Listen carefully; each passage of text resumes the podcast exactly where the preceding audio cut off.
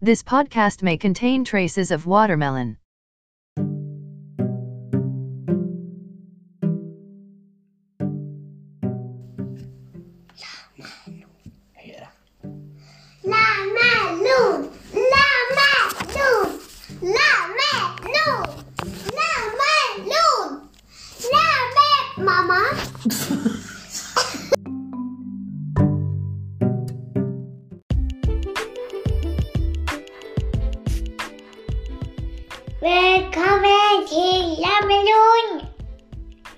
Sesong fem, episode fem. to. Det var, det var nesten. Tror du at jeg har lagd noen episoder uten deg? Nei. Nei, jeg har ikke gjort det. Vi gikk rett på sak her nå, for nå skal vi bare ha en liten eh, prat her om um, Ja, litt om uh, hva er det vi skal prate om i dag, egentlig. Forskjellige ting. Forskjellige ting, ja. Men hva er det, hva er det, som, er det mest, hva som skal skje mest i denne episoden? Ja, men i, i morgen vi våkner, da må, vi, da må jeg åpne noen av de der av de kalenderne. Vi har ikke åpnet noen noen siden man mamma-uke. Prater du om julekalender nå? Julekalender, Ja, det jeg tror ikke jeg tror ikke du har lest manuskriptet hva vi skulle prate om. Vi skulle ikke prate om noen julekalender som vi ikke har åpna ennå. Det er jo en Henrik og buksemakeren-episode. Ikke sant? Ja. det har tatt litt tid for at Du må jo, du må jo fortelle han om at Hva heter han? Ja, prøv, ja da, det er mange som kommer til å være med. Eh, vi har jo venta litt lenge nå med å fortelle videre, for det, vi har jo brukt tolv kapittel på å eh, Ja, man har vært i, i, eh, i røret i tolv eller elleve kapittel. Så han har endelig kommet seg ut, så nå får vi se litt hva som skjer der. Endelig ute av røret. Da får vi se litt mer om, om kanskje byen han bor i, og litt sånne ting. Og så heter jo det her kapitlet i boka heter jo 'Selv om ingen andre synger med'. Vet du hva det egentlig betyr? Nei. Sånn, det kommer jo fra en sang fra en dame som heter um, Cass Elliot, hvis ikke jeg husker feil. Cass Elliot, ja.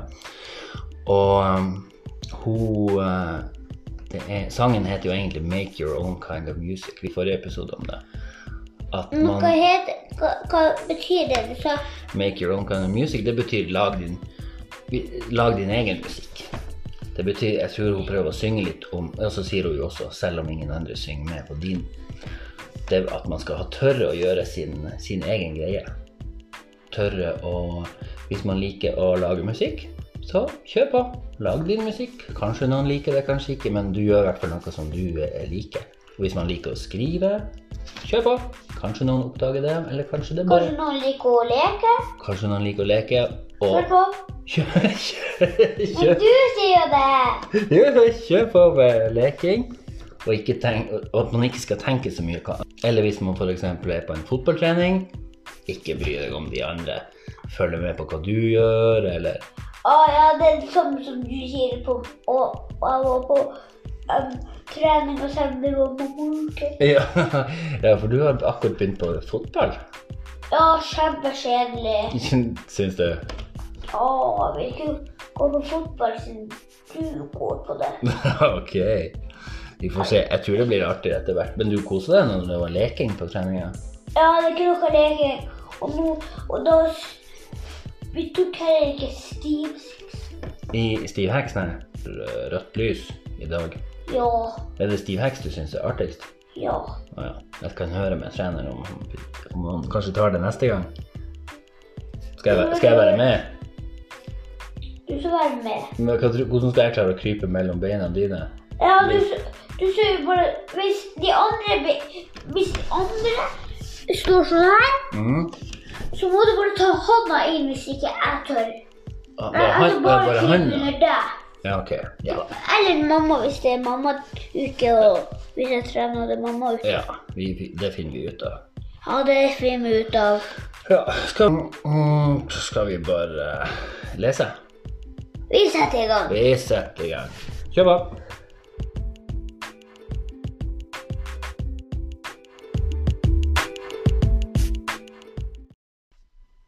Henrik og buksemakeren, kapittel 13 Selv om ingen andre synger med. Han slo opp øynene. Lyden fra elva virka sint og på en måte provoserende. Skulle han orke å gjøre noe med den? Nei, ikke enda. Han trakk pusten med nesa. Dypt. Åh, den nesten litt for kalde lufta kilte inni han. Han strakk på beina og armene sånn at han så ut som en stjerne der han lå. Dette var den beste måten å våkne på. Ingen alarm, helt alene, og den eneste lyden var fra den ekte og råe naturen. Og selv om han i dag hadde våkna opp før alarmen, så følte han seg helt uthvilt. Perfekt. Enkelte ganger fikk han en ekkel følelse av å være så liten i en såpass stor seng, men den samme tanken ga han bare en god følelse av frihet denne morgenen. Det var rart hvordan følelser kunne endre seg fra den ene dagen til den andre.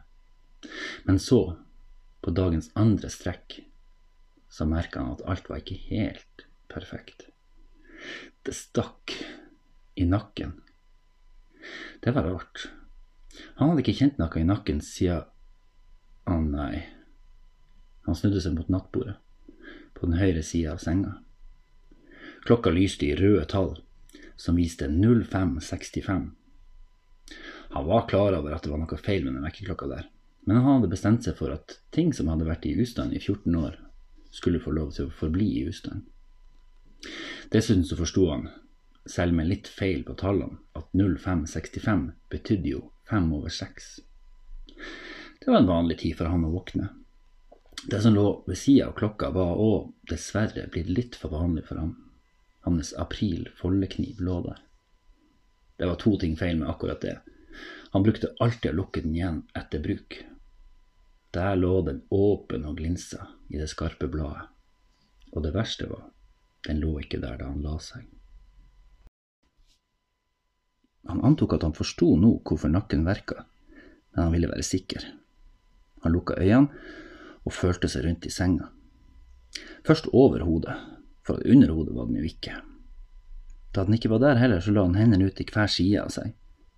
Ingenting der heller, men det var han egentlig klar over allerede. Han åpna øynene og rulla seg over mot høyre, og så ned på gulvet foran nattbordet. Der lå den, hodeputa. Han fikk tydelige bilder i hodet av hva som hadde skjedd og hvorfor, og ikke minst hvem sin skyld det her egentlig var. Den blå fargen som putetrekket egentlig hadde, var så vidt synlig. Fjærene, eller på en måte innvollene fra puta, var på utsida. Det var nesten som den var vrengt innsida ut. Rundt langs kantene var det små snitt hele veien, og oppe til høyre, der hjertet kunne vært hvis puta hadde vært et lite dyr, eller gud forby et lite menneske, der var det to dype spor etter kraftige knivstikk. Han kunne også se tegn som viste at puta var blitt kvalt. Han rista på hodet og strakk seg etter skuffa på nattbordet. Der lå det en rull med mørkeblå poser. Han reiv av en og satte seg på kne og begynte å plukke. Da alle restene etter puta var i posen, knøt han den sammen og spratt opp til stående. Tre skritt bort, og så åpna han klesskapet, der klærne burde ha vært. Han klarte med kneet å stoppe den ene blå posen som falt ut. Den andre falt i bakken, og et par små fjær fløy ut. Det var virkelig på tide å tømme dette skapet. Han pressa inn de tre posene og tok en rask opptelling før han slamra igjen døra. 47. 47 blå poser. 47 hodeputer. På to måneder. Han visste ikke hva som var verst med det regnestykket, det matematiske eller det psykologiske. Men heldigvis så var han like god på begge tingene. Og heldigvis så sov han alene. Han gikk bort til stolen som sto ved enden av senga. Han plukka opp den sammenbretta trusa som lå der, la den under armen og gikk inn døra til badet. Da han kom til vasken, så åpna han grepet med armen og slapp trusa ned på gulvet og trakk den på seg. Så bøyde han seg ned igjen og trakk ut den hjemmelagde krakken. To trinn opp, og så pusta han ut, retta opp hodet og så på seg sjøl i speilet. Du er god. Du er deg. Du er ønsket av ingen, og det er bra. Du er deg, og ingen andre er det. du er heiden, ingen østers. Selv speilet ditt er det motsatte av deg, alt ved deg er bra. Selv navnet, du skal si navnet med stolthet til deg selv og speile hver dag. Vask deg, skyld ditt fjes, fri for skyld. Ingen grad for Beograd. Vask deg, skyld ditt fjes, fri for skyld. Du er god, herr Prr. Og herr Prr var alt han rakk å si før lyden kom. Lyden som han ikke hadde glemt kunne komme, eller ville komme. Men uansett hvor mye han var forberedt, det her kunne gå galt. En hard metallisk lyd. Det var som en alarm hadde gått av. Han trukk pusten dypt og hoppa ned fra krakken. Her var det ingen tid å miste. Han sprang ut av badet og hoppa på stolen som sto ved sida av senga. Den rulla raskt over gulvet, og han begynte å taste inn. Han visste at han var nødt til å taste inn en kode før alt gikk galt. Han nådde akkurat å lese før han tasta at det sto Magyaro Sag. Han beit seg i underleppa i frustrasjon. Ungarsk var det verste og styggeste språket, og med de rareste bokstavene. Sayalom. Jeg gjaldt å holde tunga rett i munnen. Tasta han én bokstav, ett tegn feil, så ville en bombe gå av og sprenge hele huset ned på jorda igjen. Han fikk tenkt seg om. Ok, han var klar. Han tasta jo regelt kivanok. Det vanskeligste var å finne en O, en I og en A med en sånn her skeiv strek over seg, men han trodde det skulle gå bra. Og det gjorde det. Han trykte på enter, og i det samme øyeblikket han gjorde det, så rulla både ordene og den ekle lyden ut i en exit. Han kunne puste letta ut. Han spratt opp fra stolen og gikk bort til platespilleren, mens han tenkte på hvordan dag han følte det var i dag. Hm, ja, det var ingen tvil. Cass. Det var en Cass Elliot-dag i dag. Han bladde rundt og fant bokstaven C og la plata på spilleren og trykte på play. Han var effektiv når han ville. Men sangen gikk over høyttaleren, og det hadde han satt opp i alle rommene i huset. Så rydda han på kjøkkenet. Han plukka opp tomme skåler fra nattbordet, glass og kopper. Vaska alt som han hadde fra dagen før, og noen dager før det igjen også. Så hoppa han på treningssykkelen og dekte en distanse som tilsvarte hjemmefra til Praha på under to timer. Han tok hangups, situps, breakups og shutups, mens Cass fortsatte å synge om for, og fortelle om å lage sin egen melodi for livet, selv om ingen andre ville synge med. I dusjen fortsatte hun. Han skrubba seg nøye. Det var liksom noe mer han måtte vaske bort. Og han vaska klær. Han var nøye med å skille farger fra hvitt. På kjøkkenet så slengte han sammen litt egg og litt mel og litt salt, og miksa det sammen. Han styrta det i seg. Så gikk han mot skapet der han hadde medisin. Idet han satte dagens dose med vaksine, så smalt det.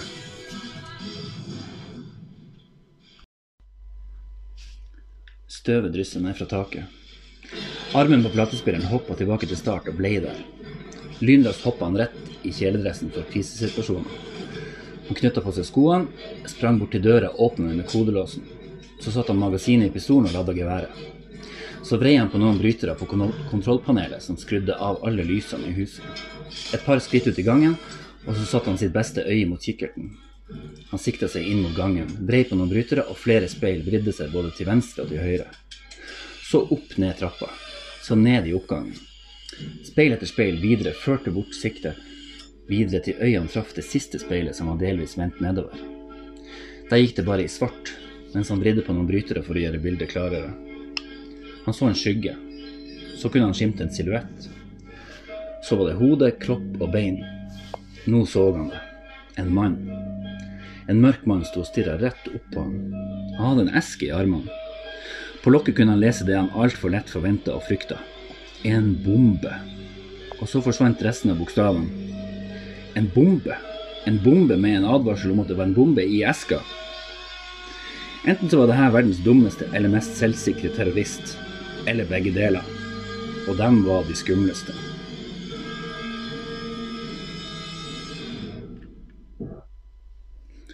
Han snudde seg rundt og hoppa ned stanga. Så la han armer og bein rundt den og sklei ned en etasje. Så åpna han en luke i gulvet og retta geværet rett ned i hullet. Sett eska fra deg! Mannen langt der nede la fra seg eska og rakk opp hendene. Eh, hei, det, det, det er meg. Det, jeg, jeg har din bestilling. Maten din. Jeg kommer fra en bombastisk bestilling butikk. Det er min butikk. Jeg er her hver torsdag. Du har møtt meg flere ganger. Mannen der oppe lå på kne og så gjennom siktet på geværet. Kunne han stole på det her? Hva heter du? Hva er din favorittfarge? Mannen der nede på bakken stamma litt og vifta med hendene. Jeg, jeg er veldig glad i gult, og mitt navn er, som du vet, det er Leif. Og samtidig leste mannen i huset på noen notater fra en blokk. Leif Vest. Mannen der nede sa det samme som sist gang. Gult og Leif Vest. I notatene fra sist gang så sto det tydelig med rød tusj. Du har møtt han flere ganger. Han er klarert. Mannen i huset trykte på knappen, og heisen hans gikk ned. Leif, jeg beklager, man kan eh, aldri Være for forsiktig. Nei, jeg vet, du sa det sist gang òg, og, og gangen før der, og gangen før der. Mm, Men du vet jo, du er jo min uphouse man. I have seen you in your uphouse man. Hva var det? Brumma mannen der oppe. Eh, hva mener du? Sangen? Ja, hvorfor sang du? Å, jeg trodde du visste. Jeg, jeg heter Leif Vest, men alle kaller meg Vestleif. Nei, Nei, ingen interesse der. Beklager, jeg er sikkert for gammel. nei, nei, ikke for gammel. Men hvis jeg lar deg gå, I will never know eh, Det var ingenting. Eh, men slapp du meg inn? Nei, sett esken i heisen, takk. Adjø. Det rista i hele trehuset idet heisen stoppa der oppe. Han løfta alt inn på kjølelageret og slamra igjen døra. Så gikk han inn på badet, trakk frem krakken, klatra opp foran speilet. Så greide han de få hårene han hadde igjen på hodet, litt over til sida, og smilte. Du er god. Du er deg. Du er ønsket av ingen, og det er bra. Du er deg, og ingen andre er det. Du er Heiden, ingen østers. Selv speilet ditt er det motsatte av deg. Alt ved deg er bra. Selv navnet. Du skal si ditt navn med stolthet i deg selv og speilet. Vask deg, skyld ditt fjes, fri for skyld. Ingen grad i Beograd. Vask deg, skyld ditt fjes, fri for skyld. Du er god, herr Proval. Bilen traff et hull i veien, og hodene til både sjåføren og passasjeren slo seg fremover før de ble tvunget tilbake.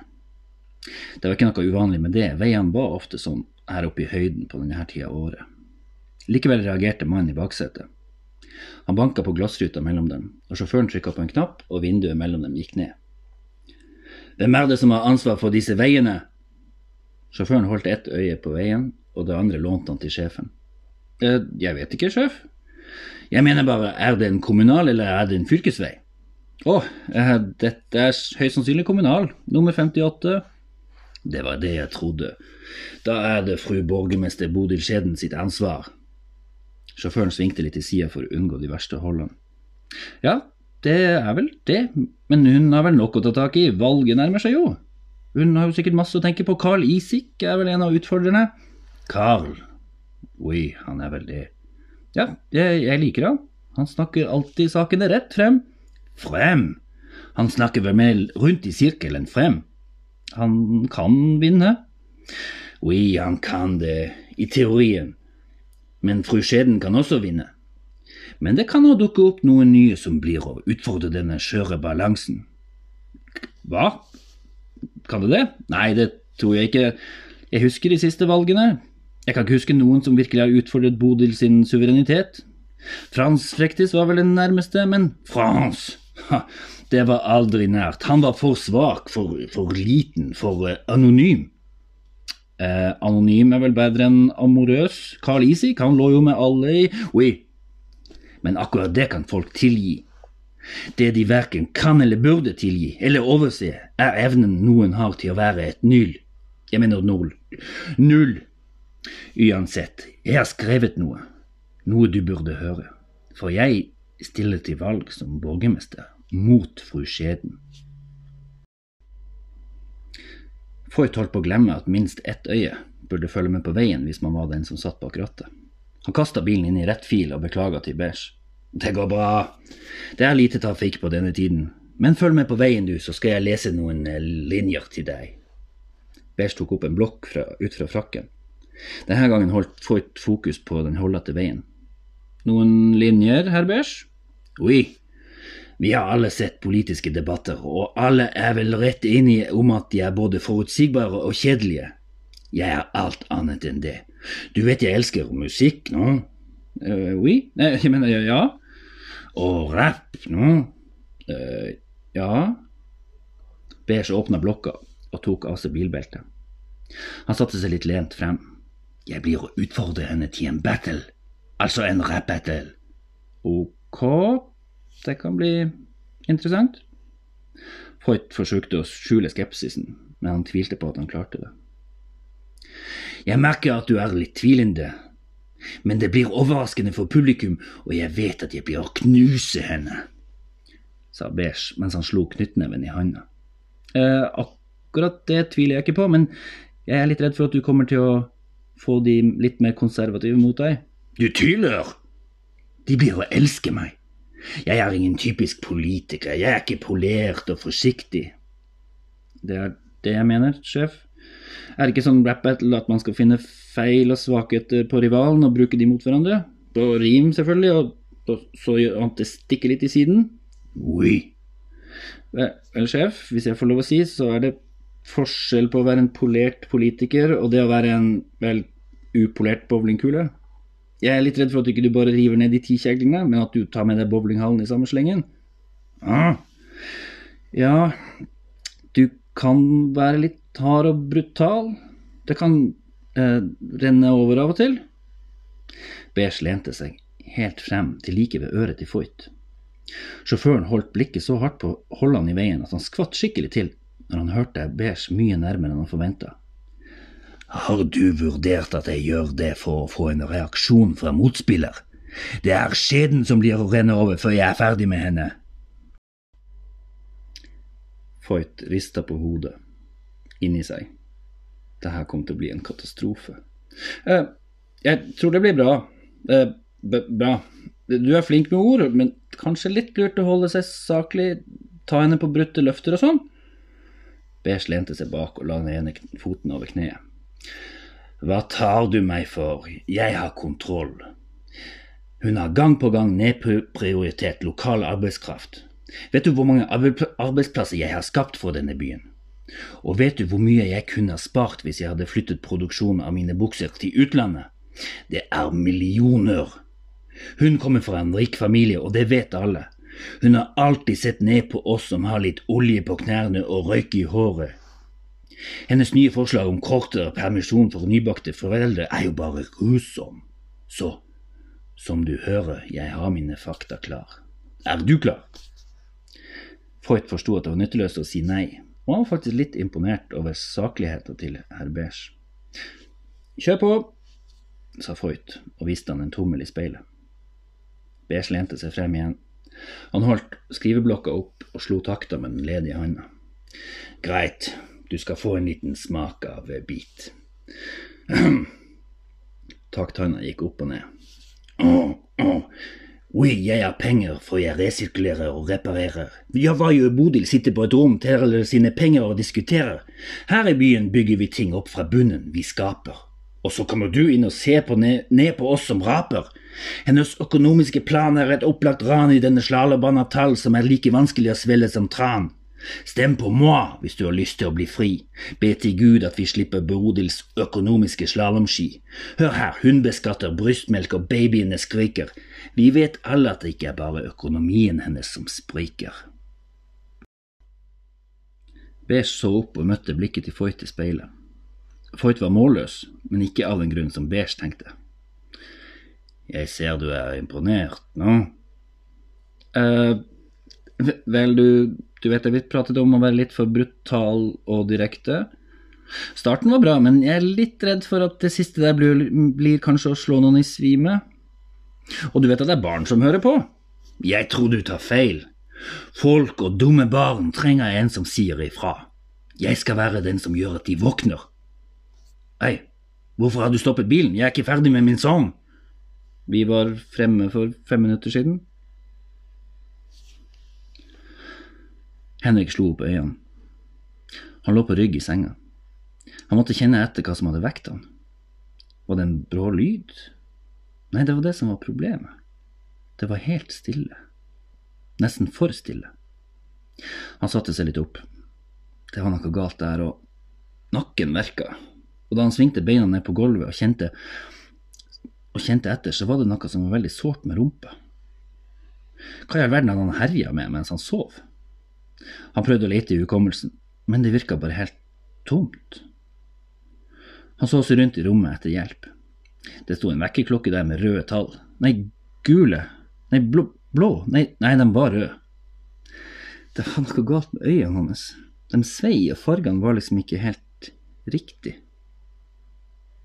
Klokka lyste 06.45. Ved siden av klokka sto det en skål.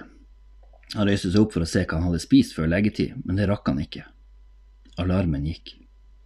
Det var en grov og grusom lyd, men det var ikke vekkerklokka. Henrik gikk forsiktig mot døra, som sto på gløtt. Han kikka ut åpninga. Jo, lyden kom nede fra første etasjen. Men nå hørte han at det ikke var en alarm. Lyden var grov og dyp, nesten som et dyr. En hund som knurra. Jo, jo mer han lytta, jo mer sikker ble han på at det var det. Han dytta i døra. Da den sklei opp og han tok noen skritt frem, så knirka det. Han følte seg så støl og forslått at han var ikke sikker på om det var kroppen hans eller døra som lagde den skjøre lyden. Idet han nærma seg trappa, så kikka han i speilet som hang der. Herlighet, hvordan han så ut. Det første han la merke til, var såret som var helt oppe på nesa. Hvor kom det fra? Og ansiktet så liksom litt dradd ut. Han lurte et lite øyeblikk på om han var 58 år og ikke 8. Han tok forsiktige skritt nedover. Han var ikke sikker på om han kanskje var helt våken ennå, for alt virka så rart og fjernt. Trappa var større enn han huska, og så var den der lyden, da. Knurringa ble bare høyere. Hadde han glemt å lukke døra når han kom hjem fra skolen? Og hvordan kom han seg hjem, egentlig? Han husker at Børge ble henta tidlig, for de skulle besøke mora hans. Så Henrik hadde sykla alene, men etter det Og da han kom hjem, hadde han sett på TV, gjort lekser. Ja, det måtte han ha gjort, for han huska et par franske ord som han måtte ha lest i leksen. Og lyden som han hørte der, kom fra en skjær, en hund. Han tok det siste skrittet ned fra trappa og ut på gulvet. Nå var lyden mer hakkete. Det knurra fortsatt, men det hosta liksom litt også. Hadde den der inntrengerhunden spist noe den ikke burde? Vel, det var, ikke, det var jo bare bra for han, for da var kanskje hunden litt mindre sulten på han. Han så seg rundt i gangen etter noe våpen og plukka opp det som måtte være mamma sin paraply. Han tok et steg til og stilte seg med, med ryggen inntil veggen, som mot, gikk mot kjøkkenet. Beistet var der inne. Kom igjen, Henrik, du tør. En hundebukse. To pantalonporse. Nei, hva var det der? Fransk? Ja, ok, da. Tre. Han hoppa inn på kjøkkenet og retta paraplyen mot lyden. Stopp! Arrestasjon! Ikke rør deg! Og god morgen til deg òg, vennen. Vær så snill, ikke arrester kaffemaskinen min selv om den bråker. Vekter jeg deg? Sassa sto med benken og vispa i en bolle. Henrik senka paraplyen og så seg rundt. Han var ikke hjemme. Han var hjemme hos Sasse. Han prøvde desperat å huske hvordan det hadde skjedd, men det skjedde ikke noe mer enn at han bare stirra tomt ut i lufta. Du, går det bra? Har du sovet godt? Eh, jo da, eh, takk. Vil du ha omelett? Jeg slenger den i panna nå, jeg. Henrik så bare fortsatt tom ut og strøyk seg over såret på nesa. Han kasta et blikk mot Sassa sin blanding. Hæ, var det han, eller var omeletten blå? «Eh, Hæ? Eh, Nei, jeg er ikke så sulten. Sassa tømte den gule miksen i stekepanna. Nei, du er jo ikke så glad i egg. Kanskje du fortsatt er mett etter kveldsmaten din? Du så at jeg satte en skål på nattbordet med de røde godteriene du liker? Henrik fikk ikke tak i øynene sine, som bare svevde rundt i rommet, samtidig som han nesten uhørlig slapp ut litt luft og ett ord. Bob?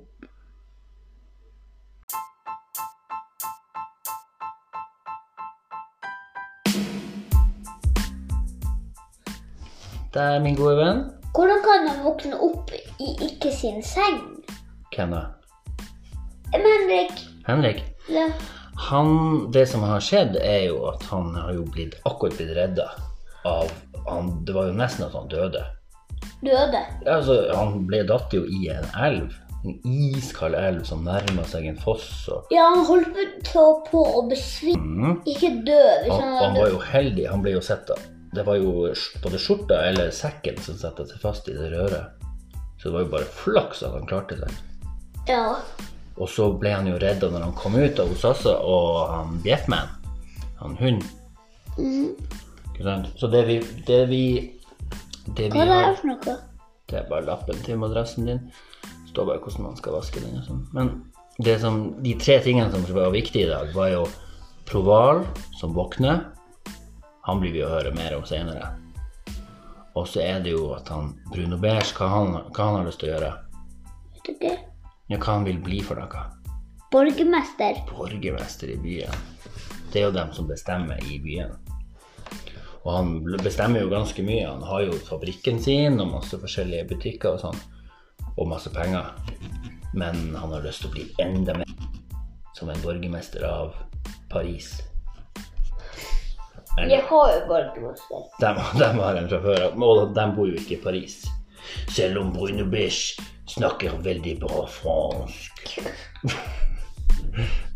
Eh, og så den siste tingen er jo da Endelig så våkner Henrik. Ikke i sin seng, men i Sassa sin. Men så er han jo Han er jo blitt litt Koko. Han er litt koko. Han, han, han sier jo noe om farger. Han er ikke helt klar og Øynene vil liksom ikke se de rette fargene. Og så blir han jo husker han jo ikke noe. Han husker ikke hvorfor han Han tror han er hjemme, og så tror han at trappa er blitt større hjemme. Og så tror han det er en hund som har kommet inn. Men det var jo bare kaffemaskinen til Sassa. Så han er jo ikke Er sånn voksen? Sassa jo, det vet du jo. Det bestemte du sjøl. Du sa jo Henrik var 8, og Sassa var 41. Var det ikke det? Så hun er jo voksen. Og det var jo akkurat på den tida du bestemte det, så var jo jeg også 41. Var du 41 Mm. og vi bestemte det? Ja. Var du ikke 44? Jeg har aldri vært 44. Hvorfor det? Hvorfor det? Har du vært 14? Du har aldri, alltid Du har, du har en gang vært 44. Og så har jeg bare blitt yngre og yngre. Du, du har vært 1-4. I 14, ja, men ikke 4-4. 44, det har jeg aldri vært. Du har vært 24. Ja, helt sant. Og 34 har jeg vært. Nei! Og, og 4. Å, herregud. Ja, men det har vært alle de der tingene. Ja, du har vært én år også. Ja, men ikke 44. Vet du hva? Ja. Vet du hva man er før én, Ja, som han har sagt? ja, Han er null før. ja. Det var jo det han plagde Null! Null, som han sa, han Bruno Beige i dag. Null, null Null. Han klarte ikke å si null, han sa null. og null. Ja. Han er jo fra et annet land. Jeg er ikke helt sikker på hvor han er fra. Han prater jo litt spesiell fransk. Ja. Nei, men hva du Syns du det var spennende at de endelig var kommet ut og våkna, og, Ja. og han Proval med det geværet sitt, og den alarmen som gikk? Det var fæl lyd. Hvordan? Nei, det, den og når han måtte skynde seg å sjekke hvem det var som kom på besøk til han. Hva tror du hvis vi gjorde sånn hver gang vi- det var noen som ringte på døra? Frem med geværet, av med lysene, og så bare sikte på dem med geværet. Hvem er du? Det er ikke alle som Det er ikke noen lure, kloke folk som gjør det, tror du det? Nei. Jeg vet ikke, Hvorfor tror du han ble så redd? vet ikke. Ja, ikke. Han hadde litt rar lyd på ringeklokka, da. Ja.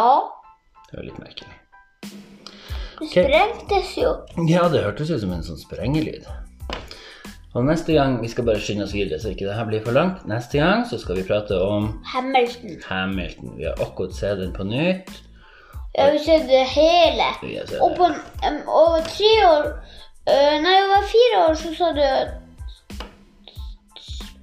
Nei, en annen episode så sa du at vi kan ikke se hele episoden. Nei, altså den dagen, nei. Nei, for det er jo to timer og 40 minutter eller noe sånt. Ja. Men uh, det er sikkert noen som klør seg litt i hodet og lurer på hva det er for noe. Men skal vi si, Ja. skal vi si at det blir en spennende prat? ja, men siden vi snakk... Siden vi sier navnet til Hamilton-episoden, Mhm. så vet de hva det er. Da vet de i hvert fall navnet på den, ja. Men jeg vet ikke hva, som, hva det handler om. De vet ikke hvor, hvordan, um, hvordan stedet er på. Nei, skal Det er jo ikke på Netflix. Nei, det Det er jo på Disney Pluss. Disney Plus. Skal vi si hvor, hvor han Hamilton bor? Skal vi si det, så de skjønner litt? Hvor er det han bor? Frankrike. Ikke? Nei, nei, nei. nei. Han, eh, Alexander Hamilton, han bor jo i I USA. I hvilken by? Husker ikke du? Sverige? Nei, han drar jo hjemmefra. Han bor jo i Sank, en øy som heter San Croix. Og så kjører han med båten, og så kommer han til Frankrike? Nei, han kommer til New, Ja! New York City, sier de jo. Det er jo der han bor mesteparten av tida.